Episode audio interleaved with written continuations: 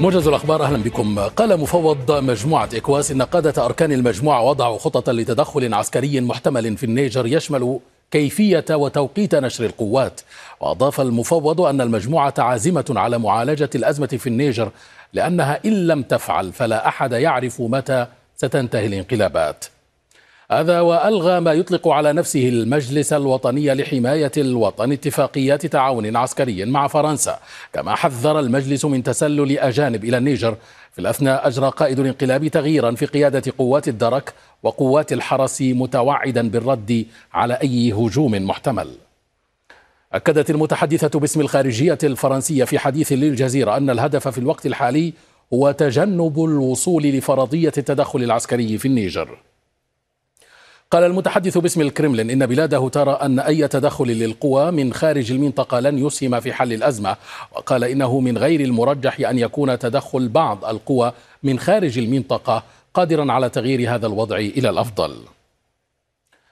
قالت وزارة الدفاع الروسية إنها أفشلت هجوما بزوارق مسيرة على ميناء نوفوروسيسك. هذا ونقلت وكالة رويترز عن مصدر أمني أوكراني قوله إن الهجوم نجح في إلحاق أضرار بسفينة إنزال روسية. أشاد الرئيس الأوكراني فلوديمير زيلينسكي بمخابرات بلاده لإعادتها الحرب إلى أراضي الدولة المعتدية على حد وصفه. أضاف زيلينسكي أنه تلقى تقريرا من رئيس جهاز أمن الدولة لكنه لن يكشف عن محتواه.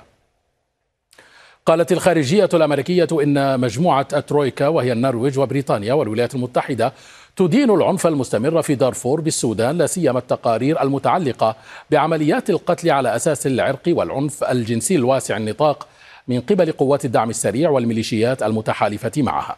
وأضافت الخارجية أن الدول الثلاث تدعو جميع الأطراف إلى الوقف الفوري للهجمات في دارفور ومحاسبة المسؤولين والسماح بالوصول إلى المناطق المتضررة حتى يمكن التحقيق في الانتهاكات إضافة إلى وصول المساعدات الإنسانية.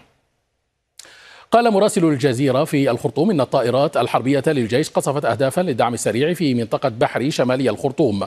من جهته قال مصدر عسكري بالجيش السوداني للجزيرة إن قواته هاجمت مواقع للدعم السريع في تقاطع القنطرة بحلة كوكو شمال شرقي الخرطوم وألحقت بها خسائر في المعدات والأرواح. قال الناطق الرسمي باسم الجيش السوداني إن ادعاء الدعم السريع السيطره على كل ولاية وسط دارفور غير صحيح. مؤكدا أن قوات الدعم موجودة في بعض المقار الحكومية بالولاية. وكان قائد قوات الدعم السريع في ولاية وسط دارفور أعلن في وقت سابق السيطرة التامة لقواته على الولاية. في إثيوبيا أعلنت الحكومة فرض حالة الطوارئ في إقليم أمهرة وكان حاكم إقليم أمهرة دعا في وقت سابق رئيس الوزراء الإثيوبي لاتخاذ إجراءات ضد ميليشيات فانو في الإقليم والتي ترفض قرار الحكومة تسليم أسلحتها ودخلت في مواجهات مع الجيش. ختام الموجز في أمان الله.